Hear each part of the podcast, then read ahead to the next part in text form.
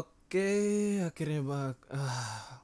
Ini sebelum aku sebut judulnya atau apa-apa, mau bilang disclaimer dulu. Ini aku ngerekam kedua kalinya untuk live untuk episode podcastku hari ini, oke? Jadi tolong maklumin aja. sebut judulnya atau apa-apa, mau bilang disclaimer dulu. Ini aku ngerekam kedua kalinya untuk live untuk episode podcastku hari ini, oke? Ah, Jadi terima. tolong Terima maklumin kasih. aja. Sebut judulnya atau apa-apa, mau bilang disclaimer dulu. Ini aku Oke, mohon maaf untuk tadi ada sedikit kesalahan teknis. Am, aku apa lupa matiin audionya. Jadi sebelumnya tadi aku udah nyoba stream dan aku kira aku hanya bisa nge-stream selama 4 menit doang dan ternyata aku nggak jadi ngunjungin mereka di Bogor. Jadi kembali lagi audiolog 23. eh hari ini aku karena aku punya waktu yang lebih luas jadi aku bisa review apa yang sudah terjadi selama tiga bulan ini selama magang dan bisa dibilang ah, magang itu lebih menyenangkan sumpah. Dari semua kelas-kelas yang gue hadapi selama kuliah apa segala macam yang paling menyenangkan itu magang. Alasan pertama aku nggak perlu begadang oke? Aku nggak perlu begadang perbandingan dengan kuliah dan magang itu eh, eh, selama kuliah ada kemungkinan kamu magang eh, apa begadang selama beberapa apa ada hari ini hari itu hari itu hari itu. Pokoknya tergantung kemauan dosen harus dapat hasil pada hari apa. Dan tergantung juga ka- kamu orang yang kayak mana. Aku memang kadang-kadang nunda-nunda tapi ya itu salahku udah. Memang kebiasaanku juga sih dari SD sampai SM, SMA paling benci banget ngerjain PR Kenapa nggak bisa nuga, apa ngelakuin tugasku di tempat kerja aja? Kenapa nggak bisa ngerjain tugasnya di di meja di hadapan guru segala macam di tengah lagi memang harus waktunya produktif. Ah, ya adalah. Nah selama magang ini ah, ada ada up and downnya lah. Pertama aku harus belajar kayak mana untuk dapat apa kayak mana bisa eh, mengkonservasi budget biar nggak habis selama satu bulan penuh dan itu makan eh, itu ada makan aku sekitar satu bul satu bulan penuh juga untuk ngabisin itu. Aku baru nyadar ternyata ada anu ada bis yang bisa dari tempat magangnya balik lagi ke tempat aku tinggal dengan total pengeluaran cuma tujuh ribu. Tiga setengah untuk bis tiga setengah eh enggak sih? Eh tiga setengah kah atau tiga ribu. Aku lupa. Aku lupa harga kereta berapa. Harga komut harga naik komuter berapa. Harga kereta mahal. Ngerti lah kalian. Pokoknya kayak gitu. Dan lumayan sih akhir apa lumayan sih eh, selama satu bulan bisa nabung lumayan banyak dan eh nanti aku tunjukin apa yang aku dapatin di akhir bulan ini. Itu satu. Baru eh karena aku udah masuk semester semester 7 ini semester yang paling menakutkan buatku. Terutama karena aku udah dekat dengan skripsi oke? Aku nggak lihat orang tua aku udah ngeluarin biaya banyak sebanyak apa sebanyak yang mereka bisa selama untuk kuliah. Artinya mereka masih bayarin aku kuliah aku nggak aku nggak kerja nggak ada kerja sampingan untuk dapat bayar apa apa artinya kalau misalnya aku ah sederhananya gini dah kalau misalnya orang tua aku yang bayarin aku untuk kuliah artinya tanggung jawabku masih ke mereka oke? Kalau misalnya aku gagal aku jadi tanggung jawab mereka. Aku bukan jadi tanggung jawab lagi aku jadi liabilitas. Kayak gitu. Dan aku berusaha benar-benar untuk bisa ngembang apa bisa fokus lah untuk ini. Memperbaiki diri! Em, itu itu yang paling menakutkan kalau misalnya karena apa di semester 7 ini. Itu satu baru ah, aku ada belanja kelas dan gagal juga. Walaupun itu belanja kelasnya bukan apa nggak nggak nggak berpengaruh langsung ya ke nilai tapi saya apa sayang. Dan kalau misalnya masa ada nilai apa masa nilainya tertulis sih nanti di transkrip akhir pas mau lulus. Ah malu aku. Nah gitulah. Ya udah aku jadi rencana selama satu semester ini aku belum hubungin orangnya tapi aku rencana ngubungin orangnya. Aku selama satu semester ini udah janji ke bapak sendiri buat anu apa eh, selama satu semester ini buat les biar nanti di semester selanjutnya bisa nebus nilaiku yang hilang. Dan konsekuensi dari itu aku nggak apa aku nggak bisa ambil tiga setengah. Jadi aku ambil yang 4 tahun. Terima nggak terima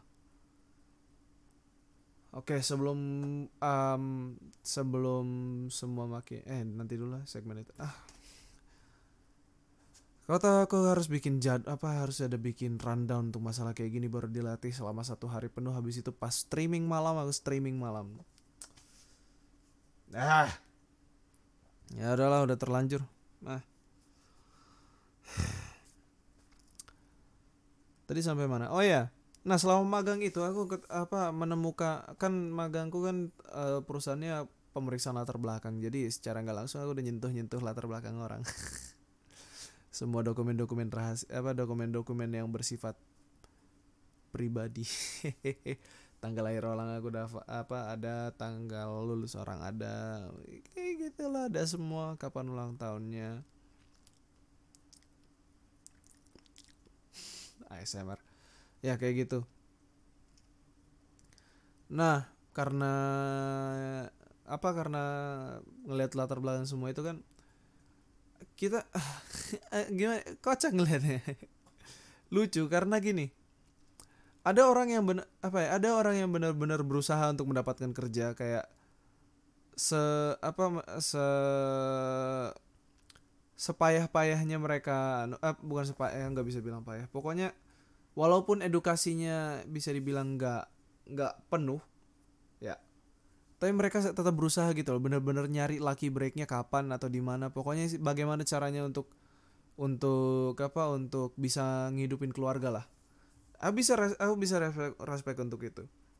Mungkin kar mereka apa nggak melanjutkan studinya karena biaya kita nggak tahu. Tapi itu nggak ngalangin mereka untuk tetap anu kan? Untuk tetap hidup itu unik. Tapi di sisi lain aku tetap ketemu hal-hal eh orang-orang kalau apa ya putus asa itu kurang ajar juga. Aku udah nemu bayangin coba aku ada selama pemeriksaan latar belakang aku nggak bakal nyebut nama atau apa pokoknya aku cukup cukup sebut gelar. Ada orang malsuin anu malsuin sertifikat. Tingkat D1 D1 D1 bayangin coba ah, pikiran kau ke mana coba? D1 dipalsu ah. Lihat kalau misalnya ada yang malsuin ijazah S2 S1 aku ajarin lah mereka pengen dapat posisi yang apa dapat posisi yang tinggi supaya apa em, apa sih sebutannya itu kayak keinginan pribadi yang bisa dipenuhi. Aku ajar itu. D1 kalian malsu kamu malsuin D1 ah why? Bener-bener kenapa? Cuma ah bung taruh effort lah. Kalian kamu kamu mau kamu malsuin data taruh effort lah please. Biar gimana ya kak? Bisa jadi di antara pelaku kejahatan kerah putih dengan malsuin keja- malsuin ijazah ini itu yang paling itu bukan paling itu rendah rendah itu nggak bisa bilang dibilang rendah lah. Rendah itu yang malsuin S2 S3 ini ini kocak. Beneran. Seputus asa itu kabung aku ada nemu aku ada meriksa orang yang lulusan SMA doang dan daftar ke bank. Kau harus masukin D1 ah ya udahlah. Ah pokoknya banyak dan kamu bakal nemuin orang dengan berbagai warna pula karena kan aku di apa posisiku kan di bagian apa di bagian yang meja yang desk job jadi pemeriksaan latar belakang itu antara email, telepon, email, telepon. Kalau misalnya nggak bisa email dan telepon ya ajuin kunjungan. Pas lagi nelpon kau nemuin orang-orang yang benar-benar berbagai warna. Aku udah aku udah nelpon ke beragam daerah ada yang ke mayoritas sih Jawa Tengah dan Sumatera. Maaf, aku karena belum makan malam jadi ada sedikit sendawa dan ini live. Jadi maklumin saja. Eh uh, ya, aku udah nemuin, aku nemu banyak orang kan yang kayak gitu. Aku udah apa kayak gitu, aku nggak jelasin pula. aku udah banyak apa menemukan orang-orang yang beragam sifat lah dari anu dari pihak administrasi administrasi apa administrasi sekolah atau badan pendidikan atau apalah terserah kalian mau nyebutnya apa. Dan benar-benar berwarna. Ada yang memfasilitasi ada yang ada yang apa ada yang benar-benar santai dan ada yang benar-benar jengkel kau ngapain ngecek-ngecek ini?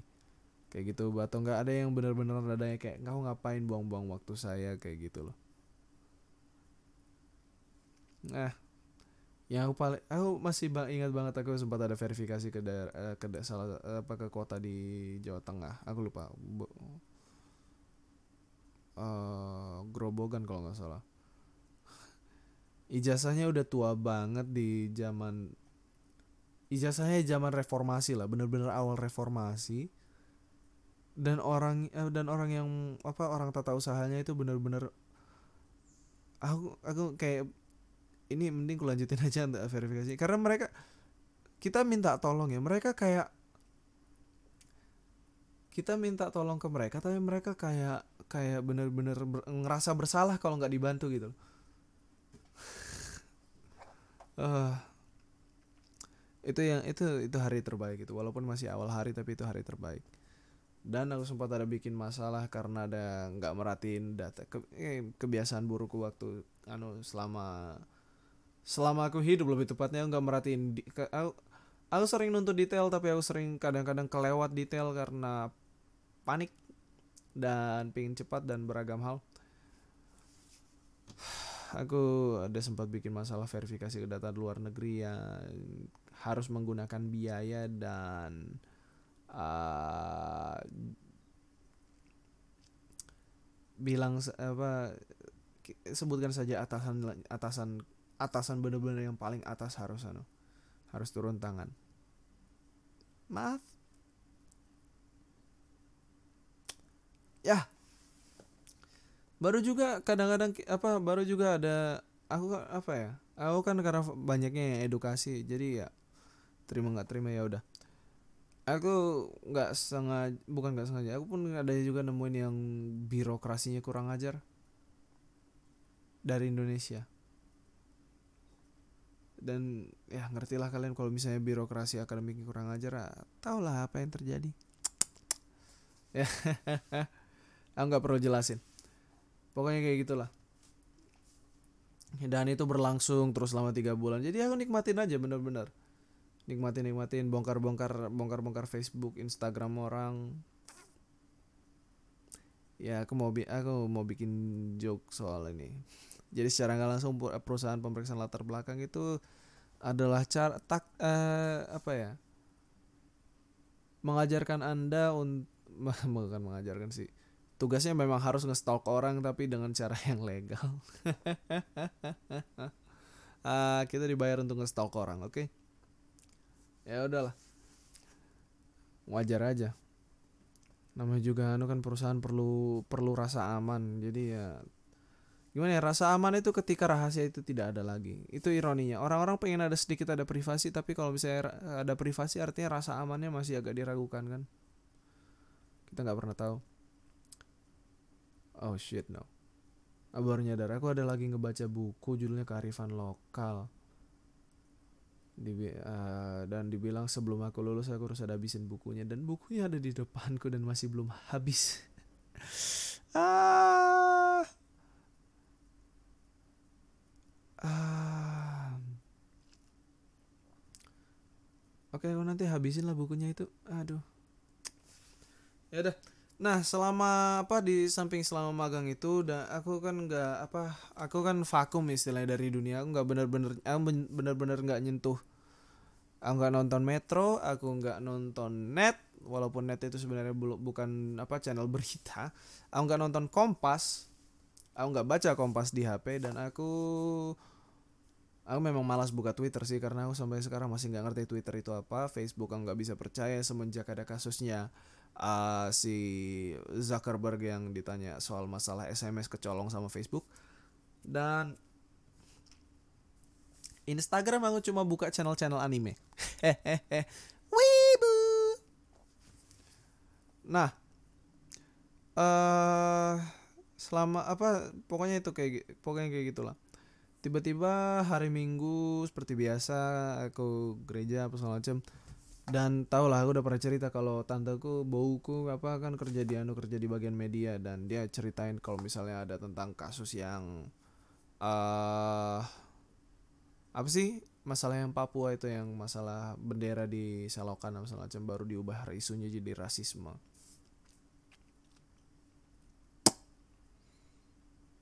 aku nggak tahu harus komen apa untuk itu. Beneran aku nggak tahu harus ngapain eh, tentang kasus itu. Karena gini logikanya lari ke mana? Logika gimana ya? Logika perta eh, logika pertamanya bendera ditemukan di Selokan di sebelah asrama Papua. Isu pertamanya adalah bendera. Baru orangnya bertingkah laku rasis. Nah kenapa yang bagian bendera tidak dia perhatikan kayak oke lah aku tahu ada media ada bias media ya aku ngerti itu tapi media lain nggak media lain lebih pilih isu rasismenya dibandingkan dengan bendera selokan ya. Itu agak aneh. Karena dua-duanya sama penting. Satu ada orang yang mungkin mau ngeframe asrama Papua untuk untuk apa kayak semacam penistaan terhadap negara mungkin mereka mau ngeframe. Itu kan konspirasi juga. Dan yang kedua eh, yang isu rasisme ini hmm aku benar-benar bingung harus bilang apa. Soalnya gini aku aku ceritain aja lah. Abang kan aku tadi di episode ah, kalian nggak dengar sih suaranya udah aku ceritain ulang. Abangku tadi aku tadi seharian ini aku itu lagi anu aku nemenin abangku yang dievakuasi dari Papua sana. Oke? Jadi aku baru rekaman ini setelah ngantar dia ke bandara. Bareng istrinya yang orang Papua asli. Kemarin malam kita ngobrol tentang masalah isu rasisme segala macam. Untuk Indonesia kita kita gimana ya? Dari da, apa aku bukan aku nggak mau ma- mau ngebahas tentang masalah umpatan kayak orang kalau misalnya Indonesia saling anjing-anjingin. It, ah itu nanti. Ya aku bingung gini. Kita 300 tahun di bawah Belanda. Dan Belanda itu berkontribusi terhadap apartheid Afrika. Artinya secara tidak langsung kalau 300 tahun dia bertahan di sini kita harusnya sudah sedikit dari awal kita merdeka kita harusnya sudah punya sudah punya sudut pandang apa sudut pandang rasis terhadap Papua. Harusnya dan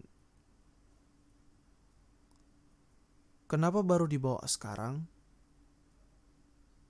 Kita punya interval ada sekitar berapa itu? Ada 30 tahun SBY anggota berapa? Ada belum satu kayaknya belum sampai seabad kayaknya masih beberapa dekade. Tujuh atau berapa dekade? Baru beberapa dekade isu rasisme baru dibawa bawa sekarang ah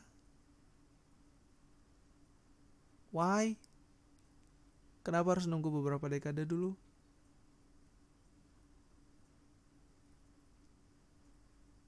Dan lihat isu untuk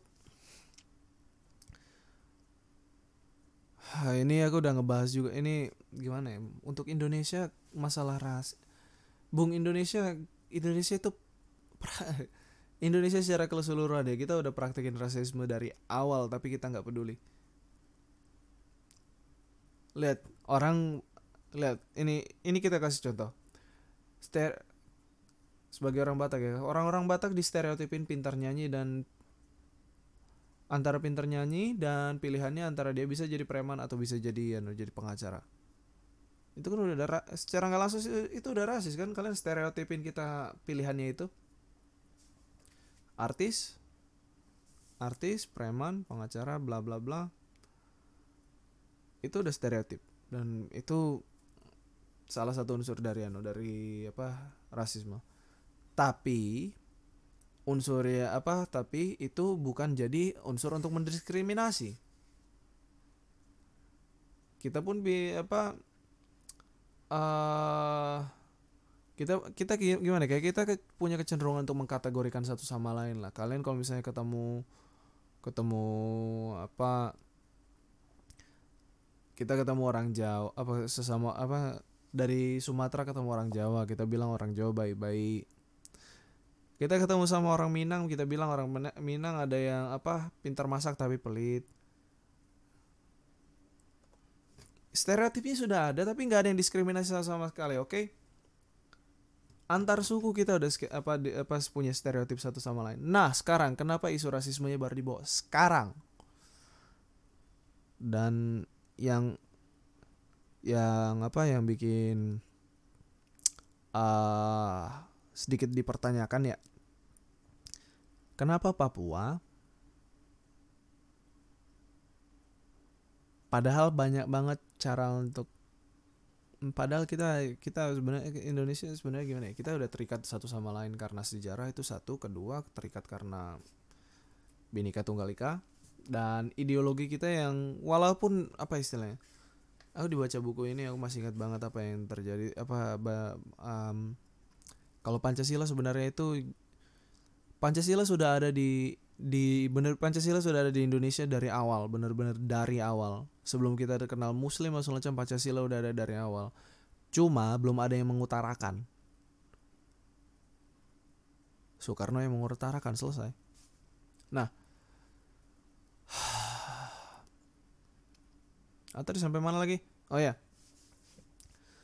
Um, ya itu kenapa kenapa pilihannya Pak kenapa pilihannya Papua kalau versi dari anu dari apa dari istrinya abangku ini konspirasi untuk anu untuk masalah tambang dan OPM dan sisanya. Kalau untuk versi tanteku ini masalah politik lagi. Dua-duanya politik bedanya satu politik bisnis satunya politik internal kita nggak tahu lah. Jadi aku cuma yang aku pengen bilang sebenarnya isunya pasti ada. Cuma please pasti please pastikan isu apa orang-orang yang di sana itu aku mohon isunya jangan anu apa jangan uh,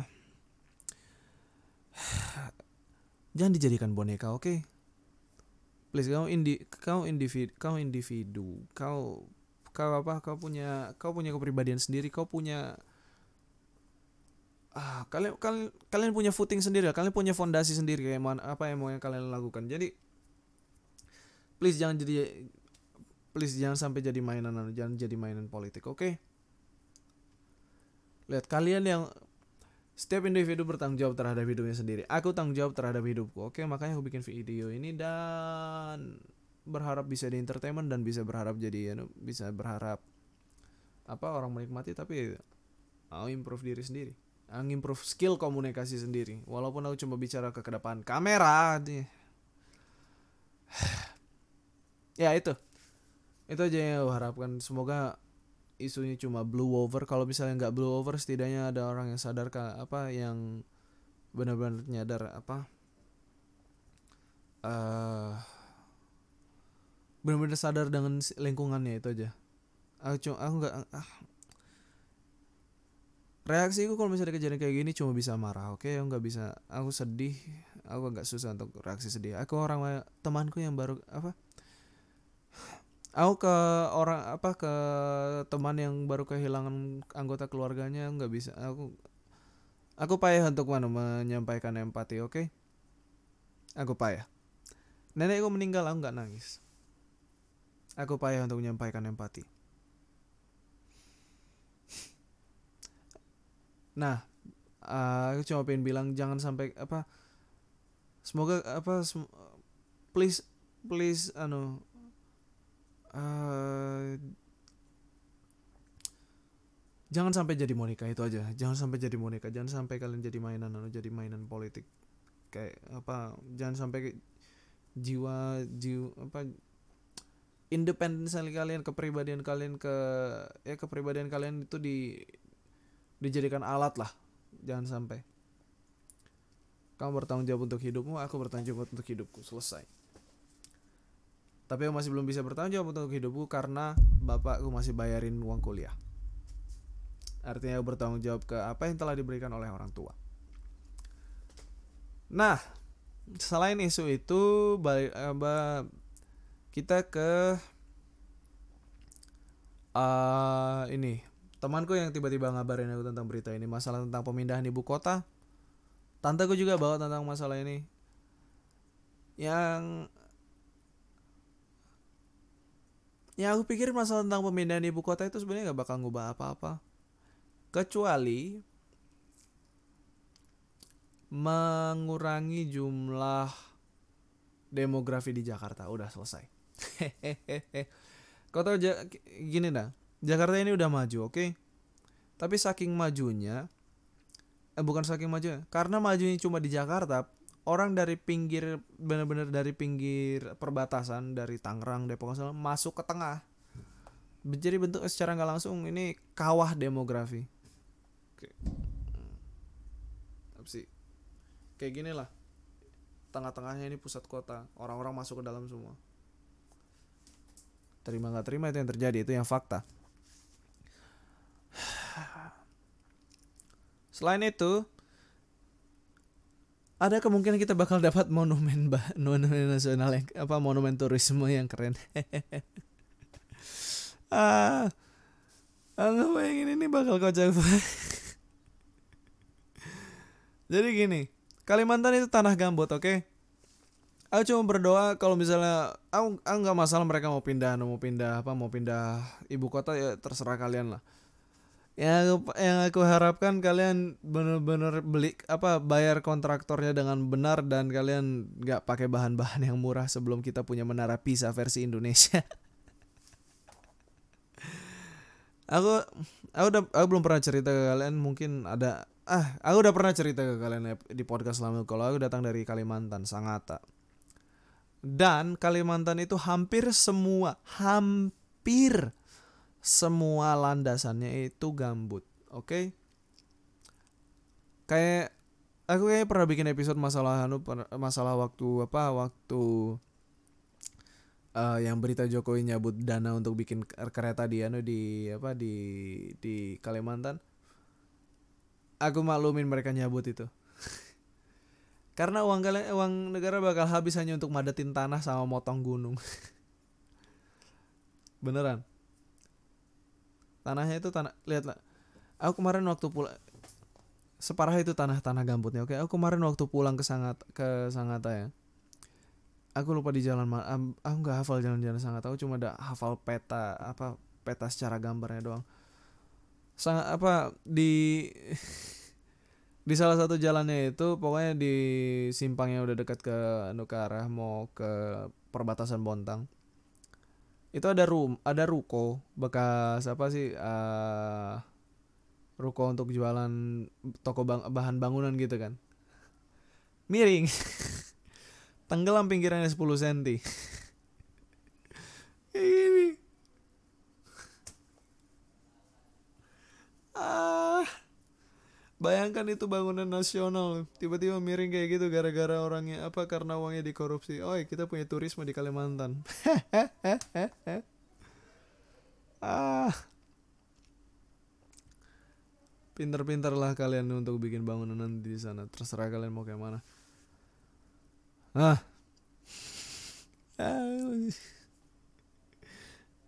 eh, kocek. Nah, di samping itu temanku juga ada yang ngutarain tentang uh, aku lupa um, ada jadi ILC juga nggalang tentang masalah itu tentang apa sih tentang uh, pemindahan ibu kotanya. Aku nonton udah nonton videonya sekitar dua kali walaupun aku masih nggak paham apa dia ngomong apa.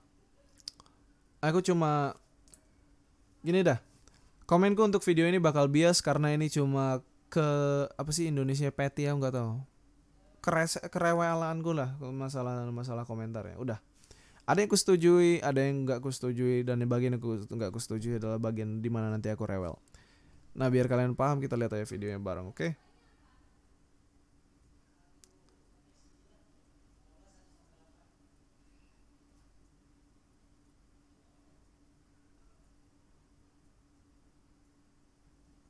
Dikan alasan pindahnya ibu kota ini karena macet, banjir, polusi seperti yang tadi sama-sama kita dengar.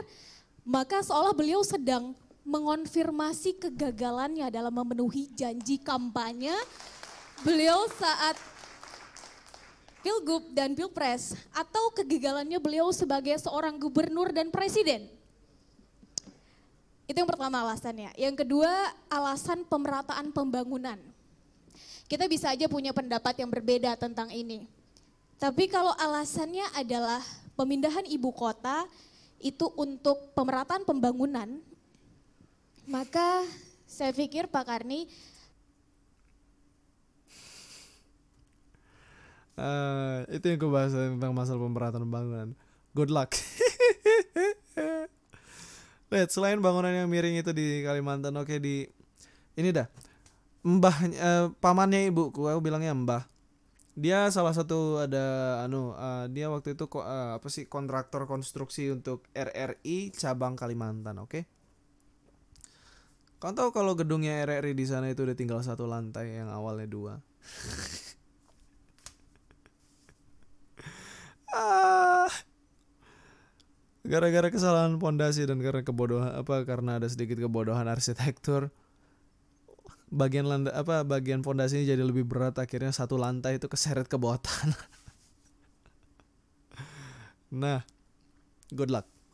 Aku cuma bisa bilang itu untuk pemerintah kita untuk kalau misalnya mau pembangunan eh pembangunan good luck. Uh, oke okay lah kalian bisa contohin ke apa kalian mau pakai contoh Balikpapan atau Samarinda ya terserah. Tapi catatan ini Balikpapan itu kotanya diatur uh, Balikpapan Bontang dan kotaku itu diatur oleh terima nggak terima walaupun ada bupati ada wali kotanya itu diaturnya bukan sama mereka diatur sama bisnis yang yang berkuasa di sana bisnis yang berkuasa di sana Kalimat tempatku dikuasai tambang, batu bara, dan hampir semua perumahannya itu dibangun sama tambangnya. Bupatinya ada cuma buat manage aja di situ. Uh, baru untuk Bontang juga sama, ada tambang gas, uh, apa sih namanya? PT Ba, enggak usah sebut, enggak sebut sebut merek. Ada perusahaan gas sama ada perusahaan pupuk. Nah, yang kota yang benar-benar langsung di bawah pemerintah cuma Samarinda dan teman gue yang dari Samarinda ya bisa ngakuin kok kerjanya banjir doang di sana nggak ada yang baru. Jadi ya kayak gitulah. Semoga beruntung, sumpah aku cuma bisa bilang semoga beruntung. Di bawah pemerintahan, pembangunan semoga beruntung uang kalian habis kalian mau bikin apartemen mau bikin uang kalian habis uang kalian habis untuk gali apartemen dari bawah tanah ah ah oke okay.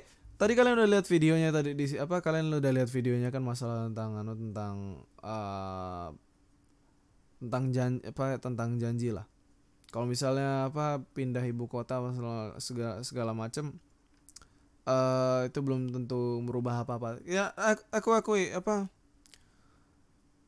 uh, gini. Orang kalau misalnya janji ke orang lain baru tiba-tiba janji apa um, orang kalau misalnya janji ke orang lain baru bahan jan, uh, janjinya itu jadi alasan untuk meninggalkan apa meninggalkan janjinya itu sendiri itu memang ada sedikit kayak kelihatan kayak anu kayak kayak ada dari aksinya pengakuan kalau misalnya aku nggak bisa menuhin ini. Tapi kalau untuk Jakarta dalam konteks Jakarta, aslinya untuk membangun Jakarta adalah dengan cara untuk tidak membangunnya sama sekali. Jangan lanjutin apa-apa. Karena yang aku bilang tadi, Jakarta itu kawah. Pinggirannya nggak diapa-apain. Orang dari luar bakal masuk ke Jakarta mulu. Kalian udah kalian pernah gak sih lewat Cilandak baru lihat apa uh, apa asapnya apa langitnya warnanya abu-abu bukan biru itu itu gara-gara udah kawah kita ini udah kawah bener-bener ini udah kawah oke okay? semua dari luar karena nggak ada pembangunan di pinggir-pinggir semua masuk ke dalam. Jadi pilihannya kayak mana? Eh berhenti bangun Jakarta berhenti berhenti bangun kota ini udah. Berhenti bangun kota ini. Berhenti bangun kota ini baru paksa orang lain untuk cari kerja di luar. Pilihannya itu. Baru eh, apa kita lanjutin ya videonya oke? Ada beberapa komen apa beberapa hal yang harus ku refresh Tentu saja solusi yang seharusnya ditawarkan adalah meningkatkan pengawasan pemerataan pembangunan itu ke daerah-daerah, bukan memindahkan ibu kota ke daerah tersebut. Kenapa? Apakah akan ada jaminan ketika ibu kota dipindahkan ke suatu daerah, sebutlah Pulau Kalima- Kalimantan, itu akan ada jaminan bahwa pemerataan pembangunan di Indonesia akan membaik? Apakah justru tidak akan menimbulkan konflik baru? Semisal kecemburuan sosial. Karena tadi Bang Fahri juga bilang bahwa seandainya alasannya adalah pemerataan pembangunan, saya pikir seharusnya akan lebih bermanfaat warga Aceh atau warga Papua misalnya yang merasakan pemindahan ibu kota tersebut. Jadi jangan sampai kemudian alasan pemerataan pembangunan ini justru memicu konflik baru, kecemburuan sosial dari provinsi-provinsi lainnya. Kemudian yang ketiga alasannya adalah ini bukan hal paling mendesak untuk negara lakukan sekarang ya.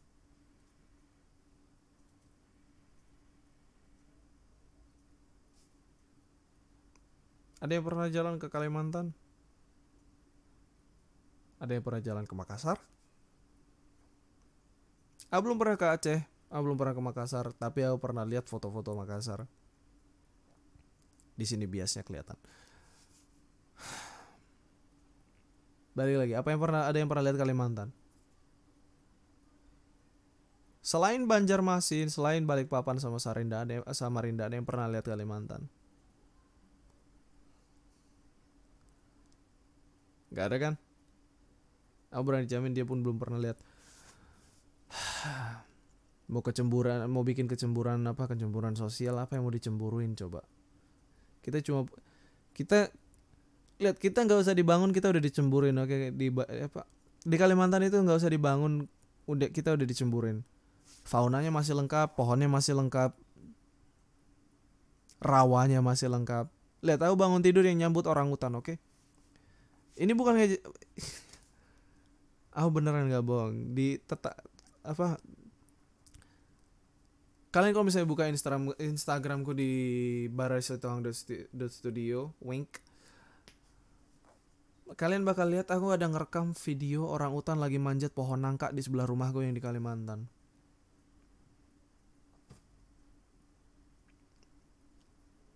Aslinya di sana itu nggak perlu dibangun udah cukup kayak gitu aja nikmatin aja. Dan kalaupun dibangun mungkin akan lebih, mungkin akan lebih baik ada peluang kerja di sana. Tapi kecemburuan sosial. Di sana orang di sana masih hutan semua dan orang pun berkuat apa orang pun kalau misalnya mau sukses terpa apa pilihannya ya ngorbanin hutan demi anu, ngorbanin hutan demi sawit. Eh kecemburuan sosial Oke lah kalau misalnya dibandingkan dengan Papua, oke lah kecemburuan sosial. Karena aku nggak aku nggak begitu tahu konturnya Papua. Tapi aku bisa bilang ya mungkin bisa dibilang itu kecemburuan sosial karena apa? eh, Papua memang dari dulu sampai sekarang memang paling dikacangin. Tapi untuk yang lain, kecemburuan sosial, are you sure? Really, I'm asking. Are you sure? Yakin gagal? Ah.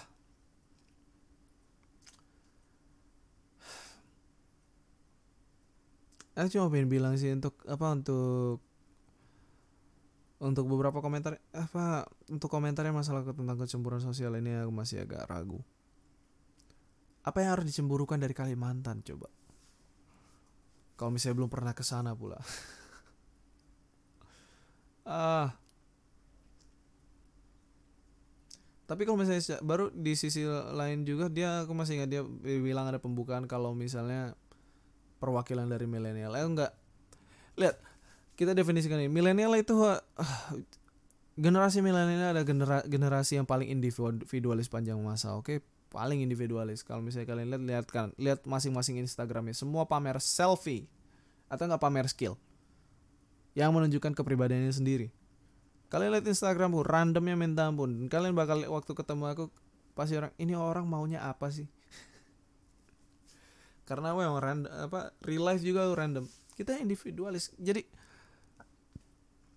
Oke lah mungkin ada yang se apa yang ada yang seide dengan aku nggak tahu nama influencer dia siapa. Dia pun influencer pul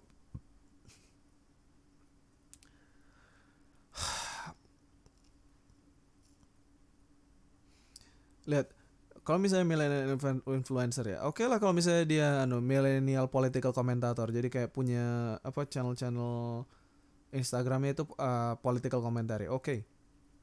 oke. Okay. aku maklumin ini influencernya dalam konteks apa? Nggak ngerti aku nggak tahu statusnya apa bla bla bla. Bung mungkin ada yang seide dengan dia tapi aku nggak seide dengan dia. Karena milenial pada dasarnya saking individualisnya yang mereka pedulikan adalah yang harusnya aku pedulikan aku nggak tahu milenial yang lain. Yang harusnya aku pedulikan adalah aku. Aku bertanggung jawab untuk aku. Udah ada media udah ada udah ada udah ada laptop udah ada webcam udah ada mic aku bikin podcast aku bertanggung jawab untuk aku. Aku berusaha untuk bikin apa platform di sini.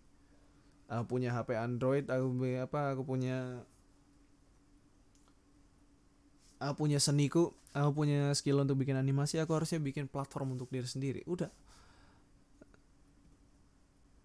Aku punya aku lulusan dari apa aku sekarang kuliah lagi kuliah mengambil mengambil kriminologi dan belajar untuk mengembangkan diri. Aku mengembangkan diri baru nanti daftar kerja lagi aku bertanggung jawab untuk diri sendiri. Udah balik lagi ke situ aku bertanggung jawab untuk diri sendiri. Oke itu si individualisnya harusnya mini, apa milenial mulai dari diri sendiri baru kalian perluas ke mana-mana. Bukan dari analoginya analoginya gini dah. Kalian kalau mau bikin rumah kalian gali fondasi dulu atau bikin rumahnya baru cari fondasi yang bisa ditaruh rumahnya? Gali fondasi dulu kan? Eh udah mulai dari milenial selalu mulai dari pribadi.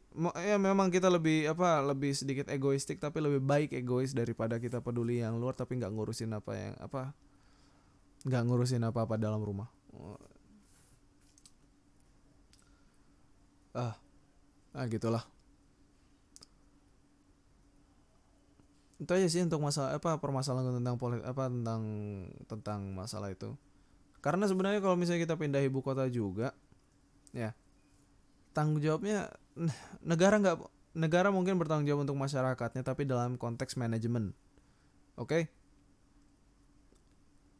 Manajer juga bertanggung jawab untuk kesejahteraan anu karyawannya. Dan negara juga kayak gitu konteksnya manajemen.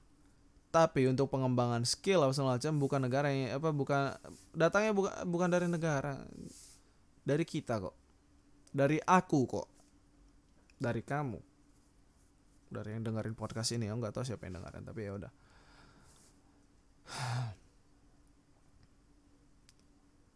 Karena gimana lihat pas bangun pagi kalian pernah nggak sih ada data PNS datang atau Pak Presiden datang ke kamar kalian baru bangun ayo bangun ini saya masakin sarapan pagi. Enggak kan? Kau bangun pagi kau yang lakukan eh, kau yang masak untuk makananmu kau yang masak apa kau yang nyetrika bajumu sendiri kau yang nyuci bajumu kalau misalnya enggak atau enggak pakai laundry. Aku kayak gitu bangun pagi aku masak untuk ke diri sendiri baru mau anu, bikin apa pergi untuk laundry karena aku perlu baju bersih. Dan aku belum laundry baju. Ah. Ah ya. Ya kayak gitu kayak gitu. Semua nggak nggak ada nggak akan ada yang berubah. Nggak akan ada kecemburuan sosial. Kecuali kalau misalnya kalian mematokkan hidup kalian bukan pada iman dan tangan kalian sendiri oke? okay? Aku berusaha aku masih berusaha dengan tangan sendiri aku masih belum terlalu berat kayak iman aku gitu. Aku masih jarang sebagai orang Kristen aku masih jarang renungan apa segala macam. Aku harus kembangin diri. Nah kayak gitu. Tapi aku berusaha ngembangin diri dari skill apa skill manusiawi yang aku bisa. Aku belajar aku baca buku aku harusnya baca buku itu tapi aku tetap baca. Baru aku berusaha untuk ngembangin skill dengan gambar komik cek webtoon. Ah shameless plug lagi. Ah ya pokoknya gitu nggak bakal ada yang berubah. Pindah mereka pindah ibu kota nggak akan yang berubah. Semua yang harus berubah itu aku yang harus berubah itu yang dengar podcast ini. Itu yang harus berubah. Makin dewasa kembangin skillnya. Kalian jangan eh, negara balik lagi. Negara cuma manajer jangan harap apa apa ke mereka oke mereka mungkin mungkin nyediain BUMN untuk lapangan kerja. Kalian juga apa jangan bergant apa BUMN oke lah lapangan kerja. BUMS juga ada.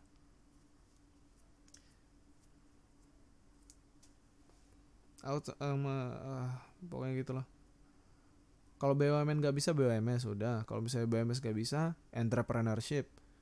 Aku lebih aku mungkin agak agak jengkel dengan apa opang ya. Tapi aku lebih respect sama opang daripada BUMN sumpah. Karena mereka walaupun kalau misalnya nggak disediain mereka cari ide. Oke lah mungkin kadang-kadang apa mereka nggak apa uh, um, apa sih nge off. Oke lah. Malumin aja. Tapi setidaknya mereka kreatif kan? Kaki lima. Aku lebih respect kaki lima daripada BUMN sekarang mereka kreatif udah. Mereka tahu skill mereka mereka kembangin setiap hari.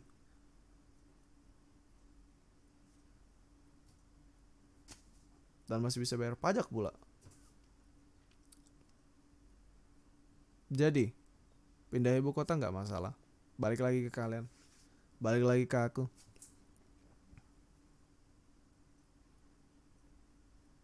Eh itu aja sih paling untuk komentar untuk masalah yang video tadi. Hah. Oke, karena bagian se apa bagian sedih-sedihnya, apa bagian tensi-tensinya udah keluar semua, sekarang mau ke berita yang menyenangkan, oke? Balik lagi ke masalah cerita eh, ke bukan masalah, ke cerita ke waktu lagi magang. Oke, magang karena magangku di swasta. Hmm, aku dapat sedikit kompensasi daripada jadi rodi jadi selama tiga bulan itu aku menabung menabung campuran dari hard earn money Aja magang ngapain aku sombong? Itu hard earn ah ya wes. Dari yang hard earn dari magang dan dari tabungan apa ta, apa bukan tabungan dari pemberian orang tua payrollan loh payroll bulanan. Ah, ah pokoknya itu. Akhirnya aku bisa membeli setidaknya walaupun apa kelas 2 tapi setidaknya aku bisa membeli barang ini oke? Okay? tunggu bentar mm. Mm. Mm. shit mm. Huion Canvas Pro 13 aku baru nguji tadi dan berusaha gambar itu lumayan enak walaupun aku masih harus perlu adaptasi karena aku masih gimana ya aku masih analog ah kalian kalau misalnya lihat animasi animasi yang lama aku ada bukan animasi yang lama aku ada dua animasi dan aku gambarnya itu benar-benar apa analog. Aku benar-benar pakai kertas di scan pakai light pad apa sih kayak papan papan anu, papan papan cahaya papan lampu gitu supaya bisa tembus gambar ini dari belakang ke depan. Baru di scan habis itu aku aku anu, aku animasikan. Ah itu untuk animasi itu animasi pertama aku kayak gitu dan aku akhirnya beli drawing tab. Uh, drawing tabnya itu lumayan enak gambar baru karena kecolongan penanya gak di kereta beli baru lagi. Sekarang everything is paid off I can buy that. Yang pakai display jadi aku bisa gambar langsung di layarnya. Dan aku bisa akhirnya kalau misalnya bisa gambar langsung di layarnya artinya aku bisa langsung lihat garis-garisku nggak tanpa harus sinkron. Karena kalau drawing pad.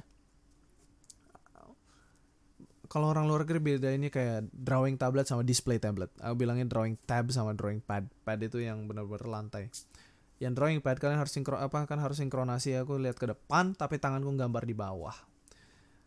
Nah kalau ini aku ngeliat ke depan dan aku ngeliat ke layarnya sambil gambar. Jadi ah, tiga itu tiga bulan yang paling membahagiakan karena bisa sabar untuk nunggu beli ini akhirnya bisa produksi animasi bung. Ah aku pernah pengen banget bisa bikin cerita cerita kalau misalnya ini. Apa cerita cerita dari apa dari setelah aku nanti kerja. Kau harus punya pengalaman dulu. Ah, kau harus punya pengalaman yang sengsara dulu supaya kamu bisa dapat cerita yang menarik. Karena orang yang bahagia bahagia doang nggak ada cerita yang menarik